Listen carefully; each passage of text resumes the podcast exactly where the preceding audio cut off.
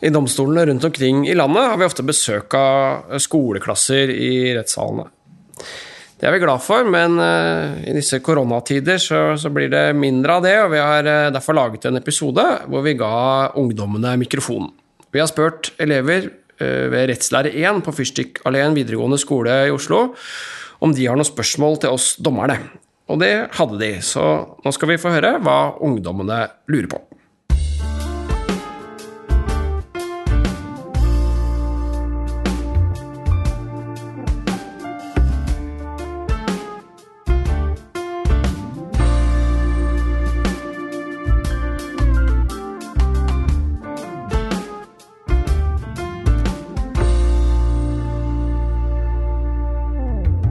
Du hører på Rett på sak, en podkast fra domstolene i Norge.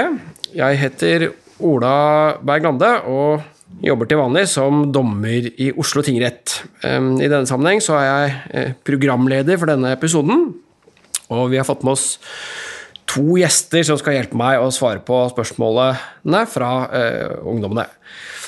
Den første det er deg, Ragnar Lindefjell. Velkommen hit. Takk for det. Du er egentlig er du tingrettsdommer i Oslo tingrett sammen med meg, men for tiden er du det vi kaller for konstituert lagdommer i Borgarting lagmannsrett. Eh, så har vi invitert eh, Runa Nordahl Hereid. Hereid, eh, kanskje? Stemmer. Velkommen hit. Takk. Og du er dommerfullmektig sammen med meg i, i Oslo tingrett. Yes. Uh, det ble litt sånn forskjellige titler uh, innledningsvis her, så, så, kanskje vi skulle prøve å, å fortelle hva, hva, de betyr. Jeg vet ikke, Ragnar, om du kan fortelle litt hva, hva er forskjellen på en tingrettsdommer og en lagdommer og en konstituert lagdommer og alle disse titlene? Jeg kan prøve. Altså, det er tre nivåer egentlig i domstolene som uh, de som har rettslære, sikkert veit. starter med tingrettene. Der begynner de aller fleste saker. Eh, og der jobber jo egentlig vi alle tre. Så en sak starter der. Og så kan en sak ankes, hvis en av partene er uenig, til en eh, domstol som er på et nivå over. Og det er da lagmannsrettene. Så tingrettene er jo mange rundt omkring i landet, og så er det færre lagmannsretter. Og der jobber jeg nå. Eh, og det at jeg er konstituert, det betyr at jeg har en jobb som varer en bestemt tid. Er det det vi kaller et vikariat i, i, ellers? Ja, det er vel ikke så langt unna. Nei. Og, og så bare for å ta bildet resten, så, så finnes det jo enda et nivå til, som dere sikkert vet. Det er jo Høyesterett. Og den finnes det bare én av, og den er her i Oslo. Og der havner de mest prinsipielle og viktige sakene. Greit, takk for det, Ragnar. Runa, jeg sa at du var dommerfullmektig. Eh, kanskje du bare helt kort forteller hva betyr det å være dommerfullmektig? Det stemmer. Altså, en dommerfullmektig er en uh, jurist som er ansatt som en midlertidig dommer. Og denne ordningen uh, kan man vel kanskje si er ganske unik. Det er midlertidige dommere også i andre land, men ikke i noe land, og heller ikke i noen nordiske land, har man en ordning der så unge jurister, da, som også samtidig er midlertidig ansatt, dømmer i tilnærma samme type saker som, som embetsdommere. Ålreit. Um, som nevnt, vi skal forsøke å svare på noen spørsmål fra elevene ved Rettslære 1 på Fyrstikkalleen videregående skole. Um, og det første ungdommene lurer på, det handler nettopp om hvordan man blir eh, dommer. Og vi skal høre det første spørsmålet, da. Hei. Um, så hvor ung kan en dommer være? Ja, uh, Runa, kanskje du vil eh, prøve deg på den? Hvor ung kan en dommer være? Det kommer litt an på hva slags dommer eh, vi snakker om. Men uh, hvis du har lyst til å bli høyesterettsdommer, så er det en minstealder på 30 år. Nå har jeg aldri hørt om en høyesterettsdommer som er 30 eller uh, 30-ish, men, men, det er i hvert fall lovens grense der. For lagdommere og tingrettsdommere så er grensa 25 år, og for dommerfullmektiger er den 21 år. Så i prinsippet da, så kan man være relativt ung, i hvert fall i min verden og være både dommerfullmektig og, dommer. Um, Ragnar, vil du si, hva, hva, er, hva, er, virkeligheten? En ting er hva som er det, det laveste man kan til loven, men som, hvor gammel er en dommer egentlig? Nei, det, de, de, de, kan være litt forskjellig alder, men de er aldri så unge som det som Runa sier her. I hvert fall veldig veldig sjelden. Eh, men kanskje viktigere enn alder er at du faktisk må ha gjort noe før du kan bli dommer. Og det er særlig to ting. Du må først ha en utdannelse. Eh, Så du må ta større juss på et universitet og klare det. Eh, Så det er det første du må gjøre. Og du skal jo være ganske smart da, hvis du klarer det før du er et par og tjue. Og veldig rask. Så, så de aller fleste er jo ikke ferdig med å studere før du er gått opp i 20-årene. Eh, Og så må du ha noe relevant arbeidserfaring. Og de aller fleste dommere som blir utnevnt i tingrettene, de har vel eh, som regel rundt et eller annet sted rundt ti års arbeidserfaring. da. Og det kan være som advokat, forsvarer straffesaker, eller har jobba i det offentlige, eller hva det nå måtte være, med forskjellig bakgrunn. Men eh, først ta jussen, og så en, en god del års arbeidserfaring på baken. Så du bli, eh, kan du bli en utnevnt dommer, da. Men som, å bli domflektig, sånn som Rune er, så kan du bli i prinsippet rett fra studiet. Det er ikke vanlig, eh, men det har skjedde i hvert fall en del før. Men det vanligste er at man har jobba et par år først. Så veldig mange dommere som er under 30, er jo ikke. Nei, og det, det er jo ikke noe sånn veldig ungt arbeidsmiljø i domstolene. Kanskje i hvert fall ikke i lagmannsretten og høyesterett hvor det ikke er dommerfullmekter. Nei, alt er relativt, eh, selvfølgelig. Men, Ja, nettopp. Det, hva men som er kanskje- ungt, forandrer kanskje seg. er Kanskje er det en bra ting at ikke dommerne er altfor unge. For det er kanskje ålreit å ha litt, eh, litt erfaring fra både jobb og liv generelt da, før man skal ta eh, beslutninger som er ganske av og til litt vanskelige, og som betyr mye for, for dem det gjelder. Så kanskje er ålreit at man ikke er sånn. Men nå tror jeg vi må, må ta og høre et nytt spørsmål. Eh, vi går bare rett på.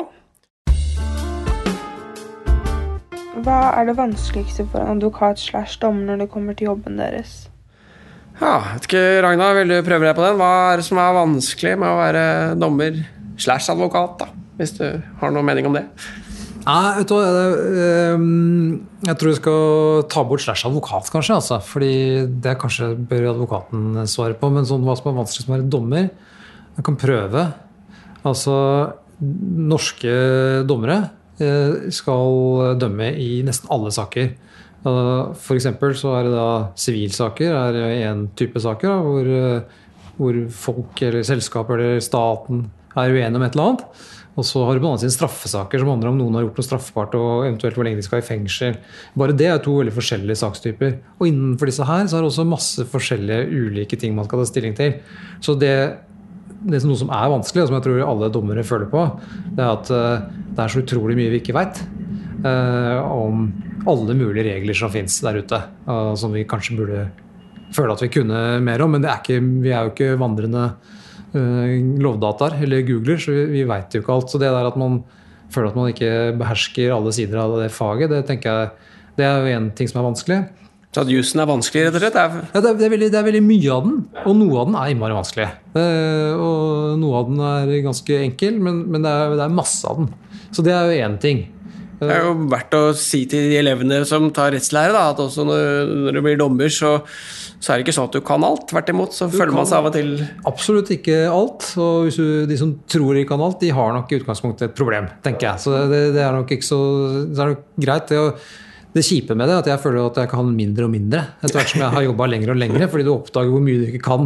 Så, men, men poenget er at det, er, det gjør ikke noe. Eh, Det er helt greit, sånn, sånn er det. Men det gjør det vanskelig. Og så gjør det en andre ting som gjør det vanskelig, at vi alltid må finne, prøve å finne ut av hva som har skjedd i en eller annen sak.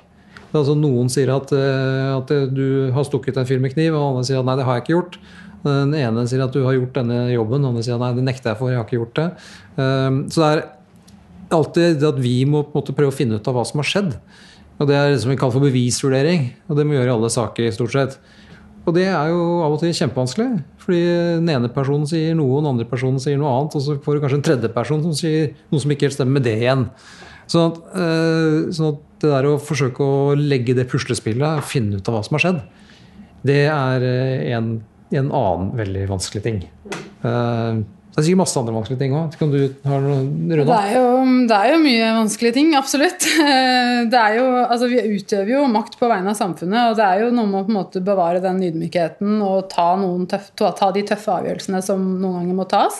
Syns jeg kan være vanskelig. Og eh, kanskje også noen ganger så må du dømme ut fra regler du ikke er enig i. Eh, det kan eh, være vanskelig. Og så møter man jo veldig mye forskjellige mennesker i domstolen. Eh, man ser mange hva skal jeg si, triste menneskeskjebner. Man eh, møter mennesker som er kanskje i sin aller vanskeligste tid i livet. Eh, vi ser på en måte ja, vi møter de som faller utenfor. Vi møter eh, Eller vi ser også hvor stor forskjeller vi har i samfunnet, hvor urettferdig mye kan slå ut. Eh, Jeg syns det kan Altså, hvis jeg skal si hva jeg syns er vanskeligst, så må det være det at det, tar, det jeg tar med meg hjem, er jo kanskje de, noen av de skjebnene jeg møter, da.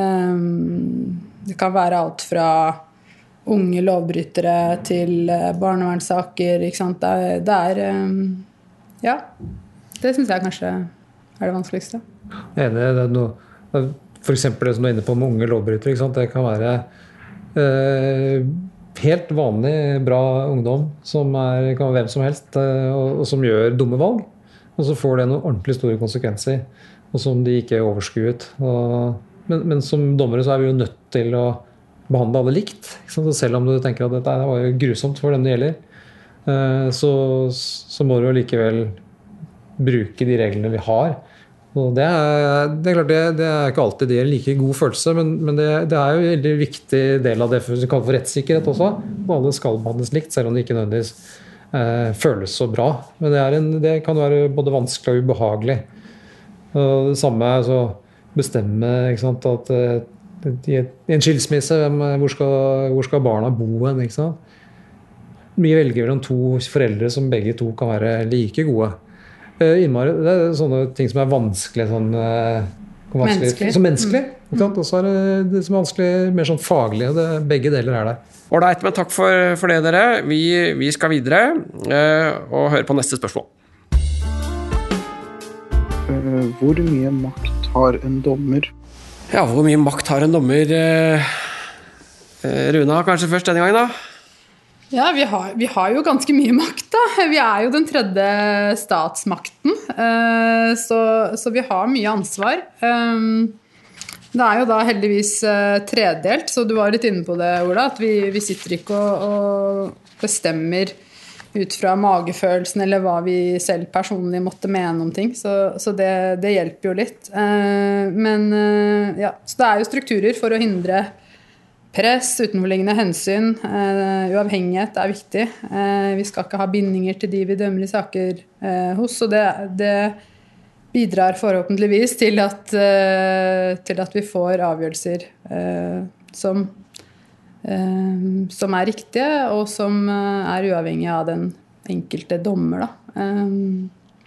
Men, og så har vi jeg tror vi har ganske stor tillit i befolkningen eh, også generelt. Men, eh, men det er klart, ja, vi, vi utøver, eh, som jeg sa i stad, makt på vegne av samfunnet, og vi, vi sitter med et stort ansvar. Mm. Det, det, det du snakker om der, Runa, det er jo liksom den, den maktfordelingen og makten som domstolssystemet har som sådan. Som en slags sånn motvekt mellom, mellom det Stortinget på denne siden og regjeringen og forvaltningen på den andre siden, og så domstolene. i sånn, en sånn triangel. Og det er jo en veldig viktig side av makta sånn på samfunnsnivå. Eh, og så har vi også eh, spørsmål om hvilken makt har vi som, som aktører i det systemet, da, som, som en individuell dommer. Og det, er- det kan man sikkert se på, på to, to måter. altså I den, I den saken som vi skal ta stilling til, så vi jo, er vi på mange måter allmektige i den forstand at vi bestemmer utfallet av den. Eh, så kan det jo ankes, og sånn, men, men det bestemmer jo vi. Eh, men det er en veldig sånn konkret makt akkurat der og da i den saken. Eh, vi, det er jo ikke vi som bestemmer hvilke saker som kommer til oss. Eh, og, og vi kan heller ikke bestemme hvilken regel som skal gjelde. For det er jo da ut fra hva som står i loven, typisk, som vi starta med. Som, så, så vi er på en måte så har vi ganske stor makt. Samtidig så er vi også kanskje bare instrumenter i et større system. Så ideelt sett så skulle det være, ikke spille noen rolle om det er Ola eller Runa eller jeg som er dommer i en sak, fordi reglene er det samme. Men, eh, men klart, det er ikke alltid det er sånn. Man kan vurdere saker ulikt. Og man kan ta en masse beslutning i saken som, som, er mye, som det er mye makt i. Men det er en veldig sånn makt som er begrensa til den aktuelle saken. Da. Så det er ikke sånn at Vi kan ikke gå ut og bestemme at nå skal reglene være annerledes, f.eks. Det, det, er ikke vår rolle. Det, er, det er et viktig perspektiv. Du har eh, regjeringen som foreslår lovene, og så er det Stortinget, eller politikerne, som vi stemmer på, som, som bestemmer hvilke lover som skal gjelde, og det begrenser jo domstolenes makt. Mange av de sakene kommer, som kommer til domstolene, er jo der fordi det er tvilsomt. Og så tenker jeg at eh, og, og, da vil jo den enkelte dommer, som Ragnar sier, kunne bestemme ganske mye i den saken. Og jeg syns jo ofte så, så, får du mye ut av håndverket av å bruke den juridiske metoden og se på rettskildene, men jeg må si at jeg ble eh, første gang dommerfullmektig, så ble jeg litt overrasket over særlig eh, når man skal utmåle straff. Så ble jeg overrasket over hvor mye skjønn det var. altså Hvor mye det var litt sånn vanskelig å finne ut hvis du leste i loven eller forarbeidene eller respektis. Litt vanskelig å finne ut av hva som var riktig straff. Og at jeg opplevde at det, var lett å forsvare både det ene og det andre. Så jeg tenker jo at det, man har ganske mye makt, og det må man være oppmerksom på og ha respekt for. I hvert fall Det er min opplevelse av det. Men... Absolutt, jeg er veldig enig. I hvert fall det eksempelet du nevner med utmåling, utmåling straffeutmåling. Det er jo det er skjønnsmessig. Og det, det er ikke noe fasit på. Eh, veldig mye kan man jo på en måte eh, i jussens verden klare å finne en løsning på som nesten ligner på et svar med to streker under. Men eh, akkurat straffeutmåling det er ekstremt skjønnsmessig. Så det er klart det har mye å si hva slags dommer og hva slags verdier og synspunkter den personen tar med seg inn. Eh, nå, jo, nå, har vi jo tre dommere da, i tingretten i straffesaker, så da man, har man jo meddommere også som er med å bestemme. Mens i sivile saker, sant, som Ragnar var inne på, da er vi én. Da er, det bare, bare, den ene dommeren som, som bestemmer alt. Eh, så. Det er selvfølgelig et perspektiv som er kanskje greit å ta med her. Altså er, jeg i hvert fall tenker at dom, den enkelte dommer har ganske mye makt, men så er det ganske mange sånne systemer eller strukturer som skal passe på at ikke vi misbruker makt. Ikke? Du skal ikke dømme over noen du kjenner. Du, skal ikke, du har kanskje meddommere du, som, som disiplinerer litt, eller du har en ankemulighet. Ikke sant? Kan, hvis jeg gjør noe gærent, så kan partene anke, så må Ragnar se på det. Eh, så det er jo en del strukturer som gjør at, at vi, vi, dommerne holdes i sjakk da, og ikke misbruker den makta. Det å, det å, ha makt og utøve makt, det er jo ikke noe gærent i seg sjøl. Det er jo når, når, man misbruker den makten, eller gjør det på gæren måte, at det blir et problem. Spørsmålet mitt er eh, hva skjer dersom meddommere og dommere ikke kommer til enighet?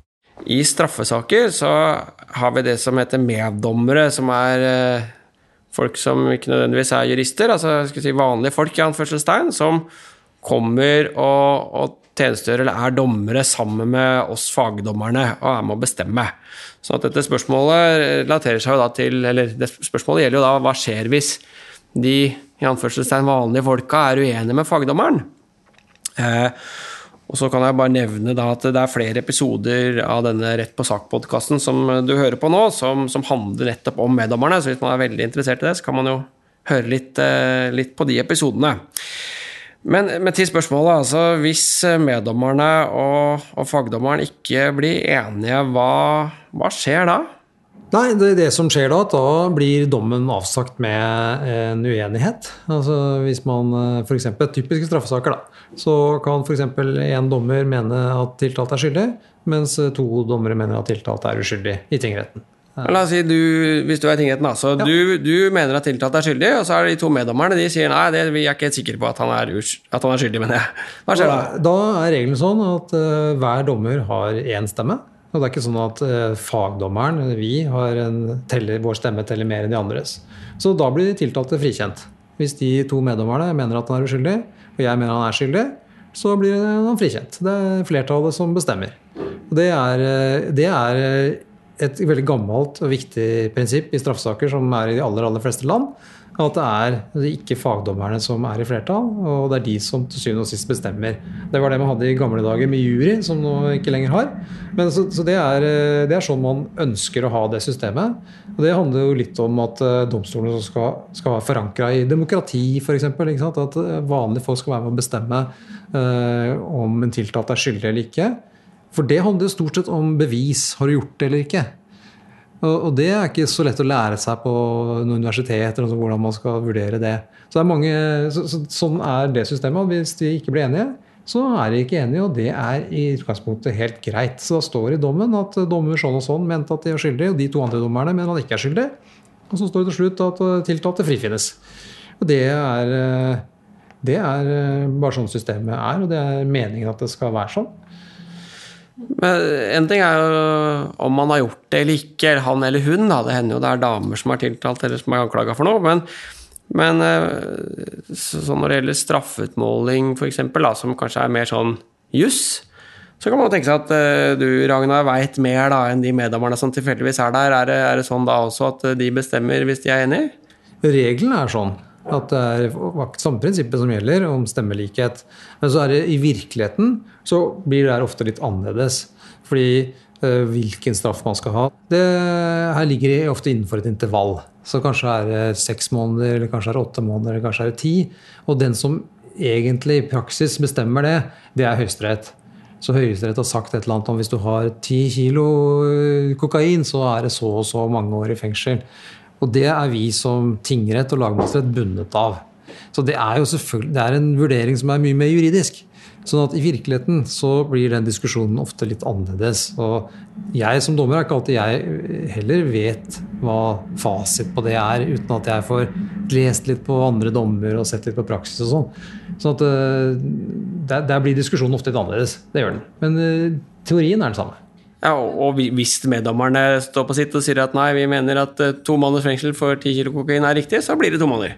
Ja, det gjør det. Og den diskusjonen har sett litt nå, noen saker nå f.eks. om straff for eh, små mengder narkotika. Der er det en stor diskusjon i samfunnet. Skal man avkriminalisere og alt sånt? Og, og så har man, Den diskusjonen har gjort at eh, i noen dommer så har det nå kommet veldig lave straffer. Der kan det være uenighet. Noen, der kan man jo ha meddommere som er veldig liberale og tenker at her skal man ikke straffes. Og andre som er mer konservative. Så det, det, det kan man godt tenke seg eksempler på. Men svaret, svaret på spørsmålet er at eh, med- meddommerne bestemmer hvis de er enige. Altså, Meddommerne bestemmer. for meddommerne er alltid flertall. Så Ja. det er alltid flere meddommere enn en fagdommere. Ja, Så kan man jo føye til da, at hvis to meddommere for eksempel bestemmer en straff som er altfor streng i forhold til hva som følger av rettspraksis eller følger av loven, så vil jo den saken bli anket. Så, og så vil den kanskje få et annet resultat da, hvis den er liksom helt i, i, ikke er i tråd med praksis. Så det er også, dette er også en rettssikkerhet å gjøre. For det skal ikke være sånn at hvis Ola har gjort noe, så skal han få seks måneder, men hvis Rune har gjort noe annet, så skal hun få åtte måneder for det samme. Så det er jo også for så vidt bra da, at man må, man må prøve å passe på at eh, det blir noenlunde lik straff for like, for like forbrytelser. Når du vil spille inn, her unna? Runa? Nei, Jeg er helt enig i det som blir sagt. og Akkurat det med straffeutmåling, der er det jo ofte vanskelig for meddommerne da, eh, å ha en formening om hva som er riktig straffenivå. Eh, og Det blir jo på en måte litt opp til fagdommeren å veilede lekfolka da, i hva Høyesterett har sagt om det ene eller det andre. Men, men det jeg opplever selv, er at eh, de har veldig ofte gode forutsetninger for å mene noe om straffeart. da, Kanskje hvis det er snakk om det er gren- Altså valg av reaksjon. Vi har jo flere reaksjonsformer i Norge. ikke sant? Du kan få samfunnsstraff, eh, du kan få ungdomsstraff, du kan få betinga eller ubetinga, altså vil si liksom straff på papiret, kan man kalle det, eller at man faktisk soner straffen i fengsel. Eh, og når man skal velge mellom de ulike typene, eh, da kan det jo være litt sånn allmennfølelsen altså Fortjener denne personen å, å, å på en måte sone i frihet? Altså gå og, og ha samfunnsstraff ute i gata? Er det, vil det stride mot den alminnelige rettsfølelse, nærmest? Der er det jo på en måte eh, Opplever jeg i hvert fall at mange meddommere kan ha eh, en sterk formening eller klare meninger om det ene eller det andre. Da. Rettferdighetsfølelsen, på en måte. Litt sånn, ja. Mm. Kan man nekte å vitne? Kan man nekte å vitne, ja? Runa, hva sier du? Altså det første er jo at alle som på en måte er eh, innkalt da, som vitne i retten, de- plikter å møte opp. Så selv, eh, og så er det jo da noen vitner som ikke plikter å forklare seg. Eh, da, men selv om man på en måte ikke har forklaringsplikt, så, så må man møte, og så vil i så fall retten da ta stilling til om den personen ikke, ikke plikter å avgi noen forklaring. Um, mest praktiske er kanskje forbudet mot selvinkriminering. Altså man plikter ikke å på en måte forklare seg selv inn i fengsel. Eh, det har vi et forbud mot eh, i Norge og i Menneskerettighetskonvensjonen. Eh, og også veldig praktisk eh, samme tankegang, men for nærstående. Altså du plikter heller ikke å og, og sørge for at eh, mammaen din kommer i fengsel, eller pappaen din, eller ja. Så lov, er, eh, det er lovbestemt da hvem som har plikt til å forklare seg eller ikke i straffeprosessloven. Eh, og hvis man nekter, altså hvis man plikter å forklare seg, men likevel nekter, så er det straffbart. Og det er også straffbart å gi en falsk forklaring. Altså lyve til retten er også straffbart. Ja, helt sånn kort om, om prosessen, så er det jo sånn at uh, vanligvis så får ikke vitner lov å være inne i salen før man skal forklare seg sjøl. Det, det er fordi at man ikke man skal ikke høre de andre vitnene før man avgir sin forklaring. så Man kommer jo inn litt sånn blindt, og så er det da sånn at alle advokatene på begge sider og dommeren eller dommerne stiller deg spørsmål eh, som man da får svare på etter beste mening. Det er på en måte litt sånn sånn det går gangen i det er. Hei, hei. Um, er det noen tilfeller der hvor den norske loven går i strid med Grunnloven? Eller står Grunnloven alltid øverst? Det er et godt spørsmål. Um, jeg vet ikke om noen av dere har lyst til å prøve dere på å svare på det? For å ta det siste først, da. Ja, Grunnloven står øverst. Eh, og ja, man kan tenke seg tilfeller eh, der det er motstrid mellom formell lov eh, og grunnlov. Og det er jo en del av det som domstolene, eller vår oppgave, er, da. Apropos det med maktfordeling og maktfordelingsprinsippet, som vi snakket litt om i stad. Så den dømmende makt prøver jo også om de lovene som Stortinget lager, eh, står seg. Eller er Det var et dårlig uttrykk å bruke, men er i forhold til da eh, grunnlovene. Om de, eh, eller om de må vike for de er i strid med, med Grunnloven. Det er en del av vår oppgave. Så man kan absolutt se for seg tilfeller. Det er jo ikke så lenge siden eh, eh, vi hadde klimasøksmålet, f.eks., hvor det var en problemstilling. Eh, og det var ikke så lenge En annen, kanskje enda mer aktuell sak, er jo noe som har vært litt eh, diskutert eh, i mediene i det siste. Dette med om karantenehotell er i strid med menneskerettighetene. For det er jo en slags eh, internering, eller fengsling nærmest, eh, som ikke eh, har hjemmel i lov. Eh, Så ja, det kan tenkes tilfeller. Absolutt. Det kan det. Sånn veldig, et veldig klart eksempel da, tenker jeg, det er sånn, I Thailand som var i hvert fall sånn før at du hadde ikke lov å si noe negativt om kongen. Hvis du hadde innført en sånn regel i Norge, en lov om at du ikke lov å kritisere kongen, så er den åpenbart i strid med Grunnlovens uh, regler om ytringsfrihet. Ja, så det er veldig sånn, men, men det er jo veldig sjelden at det er så enkelt. Først, for å først finne ut om det egentlig er en lov som er i strid med Grunnloven, så må du først bestemme deg for hva er det egentlig Grunnloven sier. Og så må du bestemme deg for hva er det egentlig denne loven sier. Og så må man se på disse to tingene opp mot hverandre. Og der det, kan det ofte være ganske vanskelige og tvilsomme vurderinger. Og dette er jo noe som Stortinget tenker på når de gir lover. Eh, I hvert fall så skal de gjøre det. Eh, Men så er det sånn med dette med karantenehotell og restriksjoner i forhold til korona er et veldig godt eksempel. Hvor langt kan du gå i å begrense folks frihet eh, opp mot de frihetene vi har i Grunnloven? Så det er, eh, det, er, det er ikke ofte sånne saker kommer på bordet vårt i domstolen. Men det er jo jobben vår å ta stilling til det når det skjer. Ålreit. Eh, Altså, men bare for å oppsummere, så er det sånn at eh, politikerne de må holde seg innafor Grunnloven når de bestemmer hvilke lover som skal gjelde i Norge. Og hvis de ikke gjør det, hvis de kommer med en lov som, eh, ikke, som er i strid med, med Grunnloven, da er det domstolenes oppgave å, å passe på, eller å, å si at i, i, i en enkelt sak at da den loven kan ikke gjelde. Det, men det er ikke så veldig ofte det skjer, men, men det er en del av vår oppgave. Ålreit. Um, om vi da skal ta neste spørsmål. Hvor lenge varer en rettssak? Ja, Det er kanskje ikke så lett å svare på, men eh, Runa, vet ikke, vil du prøve deg? Ja, det, er- det er veldig forskjellig. Det kan vare i en, eh, et kvarter til, til, mange, til et år. Altså, det er jo så store forskjeller. Så det, det er jo på en måte Ja, det er eh, veldig stor forskjell på sakene. Den kan også være altså, kan, Vi har også saker som vi behandler skriftlig. Vi har rettssaker på video. Ja, så det er, eh, det er vanskelig å svare på det. Eh, Det er, det er jo straffesakene. Jeg vet ikke om det er noen gjennomsnittstid på de, men det er jo noen, et par dager som er kanskje gjennomsnittet. Jeg vet ikke Hvis jeg skal gjette. Eh, så er det noen straffesaker som er veldig lange, som går over mange uker. I sivile saker så er det kanskje enda mer uvanlig at det er lange, veldig lange, langvarige saker da, som går over veldig mange dager. Men det er mulig dere har Nå, nå sitter jeg bare og gjetter etter her. Men eh, det er, poenget er i hvert fall at eh, det er veldig store forskjeller. ikke sant? Og en tilståelse- tilståelsessak eh, kanskje varer i en snau time, eller noe sånt, mens eh, vanlige ho hovedforhandlinger, da, som vi kaller det, vanlige rettssaker, kan gå i mange, mange uker. Så ja, Det kommer veldig an på. kommer veldig an på. Poenget er at vi gjør det jo så fort vi kan, eh, men det, tar litt, det er litt- også samtidig litt sånn at det tar den tida det tar. Jo mer komplisert saken er, jo, jo lengre tid bruker vi. Så, så det er vanskelig å gi et godt svar på. Ok, vi tar det neste spørsmålet, så la oss høre. Kan hvem som helst som er tiltalt anke dommen? Hva Et spørsmål om, Spørsmålet om hvem som helst som er tiltalt, kan anke en dom. eh, Ragnar, du som sitter i ankeinstansen, eh, vil kanskje si noe om det? Ja, eh, det enkle svaret er jo ja. Eh, Da forutsatt at du er dømt, da. Eh, Og nå snakker vi om straffesaker. Så hvis du er dømt for noe straffbart, eh, og er uenig i det, så kan du anke den dommen. Og det betyr jo at du får saken din vurdert på nytt av en, en annen domstol. Og du kan anke f.eks. det som vi kaller for skyldspørsmålet. Altså er du skyldig gjort det eller ikke? Eller du kan anke f.eks. straffeutmåling. Hvor du tenker at ja, men det er greit, jeg har gjort det, men jeg syns straffen er altfor streng. Det vil jeg gjerne ha vurdert på nytt. Eller du kan f.eks.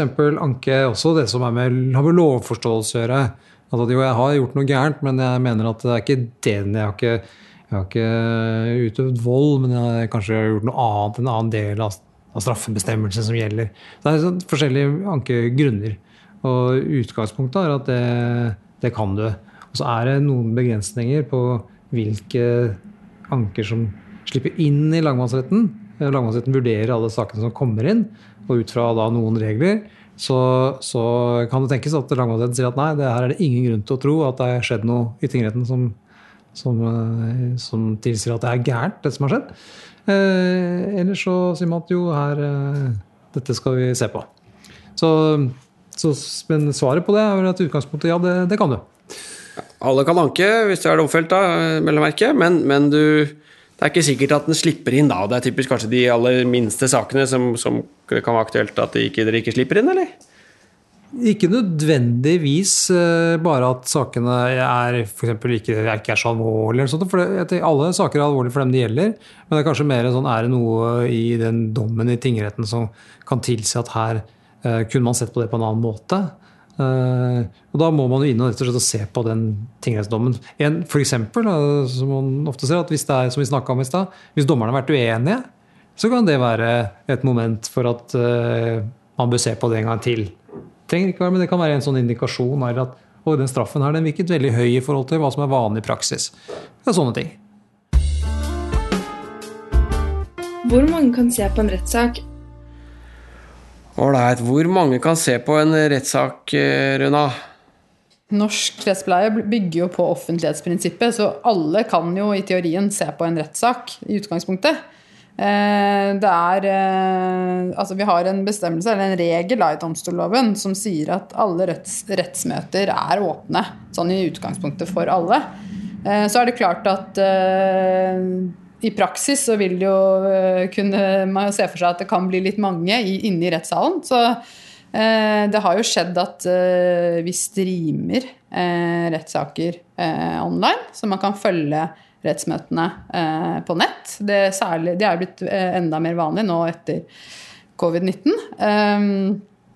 Men, eh, men sånn utgangspunktet, så, sånn, hvis vi ikke har korona, så har alle tilgang til tinghuset. Alle kan komme og sette seg ned på tilhørerbenken og, og se, på, se på en sak. Det kan jo være hvis det dreier seg om vern av enkeltpersoners eh, Altså vitner, eh, tiltalte, eller det kan være hensyn som gjør at eh, man bør, eh, bør lukke dørene, så, så, har man jo unntak også da, fra den, fra den regelen. Mm. For da, for de som hører på dette her, så vil det typisk være mindreårige. Sånn at hvis en mindreårig er tiltalt i en alvorlig straffesak, f.eks., så vil jo hovedregelen være at da, da, kan ikke andre komme inn og se på. Eh, eller f.eks. hvis man eh, Det er snakk om helseopplysninger eller andre ting som kommer fram i retten. da. Men kanskje like interessant at grunnen, det er, hvorfor er det sånn at alle skal kunne komme og se på. Og det, det er jo eh, ofte veldig private ting som eh, skjer i domstolen. Men likevel så, så, har vi en regel som sier at alle som vil, kan i utgangspunktet komme og se. Eh, og det har litt med det, det som vi snakka om med makt å gjøre igjen. Da de som utøver makt, de må man også kunne kontrollere. Eh, og det betyr at offentligheten kan se på. Det betyr f.eks. at journalister kan komme og se på aviser. Alle som er interessert, kan komme og følge med. Og det handler jo om å, å motvirke f.eks. maktmisbruk i domstolen. Eh, så, så, det er en viktig del av hvorfor det er sånn. Det er jo fordi at eh, dette skal være åpent og demokratisk, og altså kunne komme og se hva som skjer. Mm. Og den åpenhet, åpenheten da, som for ta, i forhold til det med begrunnelsen bak, det, det, er klart at det også er med på å øke tilliten da, til, til, domstolene. At man kan komme og se hva vi, hva vi, driver med. Det er ikke noe skjult og hemmelig. Mm. Så Poenget er ikke at, skal, at, hvem som helst skal kunne komme og snoke i liksom, privatlivet til de som tilfeldigvis har møte hos oss, men det er for å se at dommerne oppfører seg ordentlig. Eller domstolen oppfører seg ordentlig. Ålreit, vi tar neste spørsmål. Um, la oss høre. Kan kongen eller en høyere makt bli innkalt til en rettssak? Ja, kongen og den høyere makt Det er jo ikke så veldig vanlig, kanskje, at, uh, blir, at kongen blir kalt inn til oss. Men skal, Ragnar, vil du helt kort si hvordan reglene er for det? Altså, dette, Jeg må innrømme at jeg, dette har jeg ikke opplevd også, at kongen blir innkalt. Men han kan jo ikke egentlig det. Kan han det? Jeg, jeg, tror regelen er at akkurat kongen tror jeg ikke kan saksøkes. Ehm, det tror jeg står i Grunnloven. En gammel, gammel regel som kanskje bygde på at kongen liksom en gang nærmest ble sett som en guddom som ikke skulle stå til ansvar for noen. Men, men så, så utgangspunktet er at han ikke kan, eh, kan saksøkes eller, eller anklages for noe straffbart. Um, men når det gjelder altså andre høyere makter, jeg vet ikke helt hva, hva hun som stilte spørsmål mente, men hvis man tenker på regjeringa, statsministeren og, og, de forskjellige ministrene, så er det vel sånn at de i utgangspunktet kan saksøkes eller kalles inn som vitner i, i, en rettssak, eller, eller tiltales, altså anklages. Uh, så er det noen liksom, spesielle regler hvis man vil uh, anklage statsråden eller ministeren for, eller statsministeren da, for noe hun har gjort som statsminister så er det kanskje riksrett i noen tilfeller som er riktig, men, men i utgangspunktet så kan de eh, på lik linje med alle andre saksøkes og kalles inn som vitner. Så tror jeg det er ganske sånn Det er ikke noe som skjer så veldig ofte, og, og, og nok noe som advokatene til staten vil prøve å unngå, da, hvis, hvis det skulle skje, tror jeg. Så, så, men, men, de er ansvarlige, de som alle andre. Ålreit, vi tar neste spørsmål. Vi tar neste spørsmål. Hvorfor er det slik at drugdealere får hardere straff enn voldtektsmenn og drapsmenn? Ja, det er et interessant spørsmål. Altså, det for det første, Vi må kanskje begynne med å si at uh, jeg er ikke sikker på at det er riktig. Uh, altså, det kommer vel an på hvor mye drugs du har deala, da. Uh, om du får en hardere straff enn voldtektsmenn og drapsmenn. Men dette med straffeutmåling er jo et interessant problem, som vært, problemstilling som vi har vært innom noen ganger. Og, og, kanskje, vet ikke om Ragnar, skal du begynne å si litt om hvordan, hvordan er det med utmåling av straff, og hvem er det som bestemmer hvor mye straff man skal gi for de forskjellige ting? Jeg kan, begynne, kan prøve på det. Jeg er helt enig med deg, Ola. Jeg tror ikke kanskje den som stilte spørsmålet, har helt rett i premisset sitt. Altså. Fordi hvis du dealer eh, vanlige mengder med dop, så får du ikke straff som ligner noe som helst. Altså en voldtekt er eh, fire år, et drap er tolv år. Eh, sånn i vanlige situasjoner. Så jeg tror kanskje ikke det stemmer helt. Men, men når det er sagt, eh, så er det jo sånn at det er ikke vi som bestemmer det som er strafferammen. Alle, alle sånne straffebestemmelser har en, en strafferamme. typisk sånn at for, har, du, har, du, drept noen, så kan du i verste fall få 21 år i fengsel. Og så er det opp til retten å bestemme hva straffen konkret skal bli innenfor den strafferammen.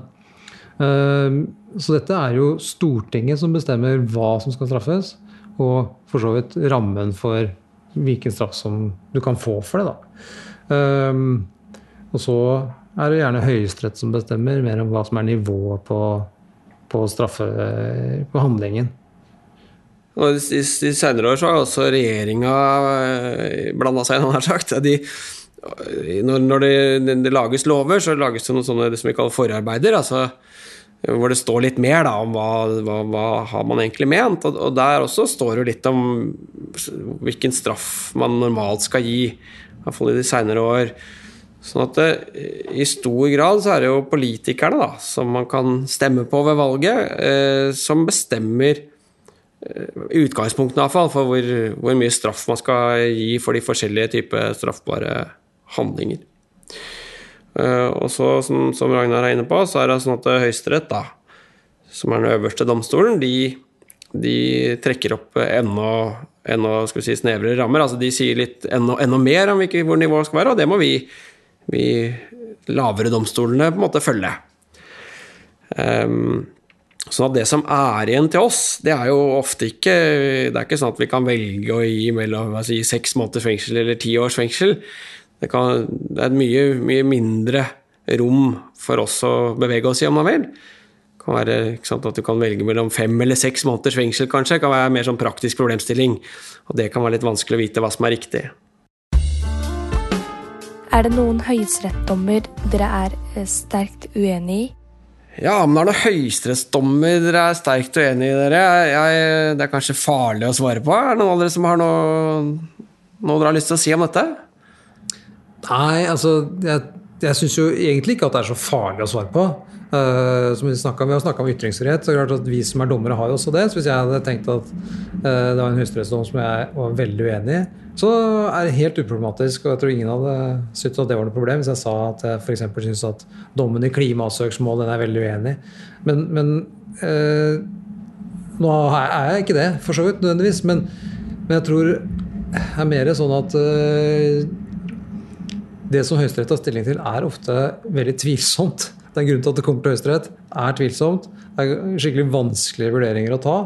Og de som har jobba med den saken i Høyesterett, de har brukt mye tid og tankekraft på å sette seg inn i og, og ta en beslutning i, i, den avgjørelsen. Så det krever ganske mye innsats å mene noe fornuftig om det var riktig eller ikke. Og så er det litt sånn også tilbake til det vi snakka om i stad.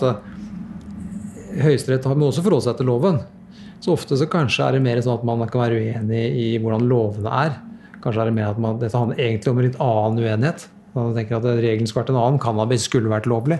Men Høyesterett må også forholde seg til, til regler. Så, så da kanskje blir det mer sånn juristgreie. At man er litt uenig. Man kunne tenke seg å tolke loven litt annerledes. Men, men det er, er, ikke så ofte kjenner jeg at jeg har veldig sånne sterke følelser at nå er jeg skikkelig uenig med Høyesterett. Men det er kanskje en yrkesskade at man blir litt sånn flink til å se begge sider av en sak. Jeg synes det er et ganske godt poeng. Altså det, er, det, er, jo, Som man ser til USA, da, eh, hvor de har en, en lovgiver som kanskje ikke fungerer så godt pga. en del av sånne prosessuelle regler de har eh, eh, der. Så er det sånn at Høyesterett tar jo stilling til masse veldig politiske spørsmål. Typisk abort da, eller, eller, våpenrettigheter eller den type ting som, som er veldig politisk betente. og Da blir det jo lettere å være veldig uenig i hva Høyesterett mener nå. Mens i Norge, hvor du har en lovgivningsprosess som fungerer bra det, Politikerne klarer stort sett å, å, gi regler om ting vi trenger regler om. Så blir jo Høyesteretts rolle litt annen. Altså man i mindre grad politisk og mer bare litt sånn jussnerdete. Og det gjør at uh, man kanskje ikke liksom på samme måte da, får de aller største sånn, følelsene for, for, de vurderingene Høyesterett gjør. Nei, så er det jo kanskje også, det, som du er inne på, kanskje henger dette litt sammen med hvordan det er i USA, f.eks., som man leser mye om. Og Der er jo også veldig viktig å huske på at i USA så er det jo presidenten som bestemmer hvem som skal være dommere. Og sånn at eh, Det avhenger av hvem som har makta på hvert, hvert, tidspunkt. Og når du vet hvor forskjellig syn de har på hvordan samfunnet skal være, om du er eh, Donald Trump eller om du er Joe Biden, så får det i kombinasjon med at de dommerne har masse makt, så får det veldig store konsekvenser for samfunnsutviklinga. kan det få. Mens i Norge så blir høyesterettsdommere stort sett utnevnt fordi de er de flinkeste juristene vi har, og det er eh, ikke så veldig mye som de som har makta til enhver tid, legger seg veldig mye borti. I alle fall ikke på samme måte som i USA. Så, så du får en mye mer sånn nøytral eh, greie med Høyesterett i Norge. Altså, så, jeg, så, det Jeg vet ikke om du så på spørsmålet, men det er i hvert fall eh, Det var ett svar. Det er ett svar. Ja. Um, da tror jeg vi må sette strek, her, dere. Um, da tror jeg jeg bare takker elevene ved rettslære 1 på Fyrstikkalleen videregående skole. og og lektor Louise Søyland, som har bidratt med spørsmål. Og så får jeg takke dere, da, Ragnar og Runa, fordi dere tok dere tid til å henge ut med meg en time eller så. Veldig hyggelig å være her. Jeg heter Ola Berglande, og du har hørt på Rett på sak, en podkast fra domstolene i Norge.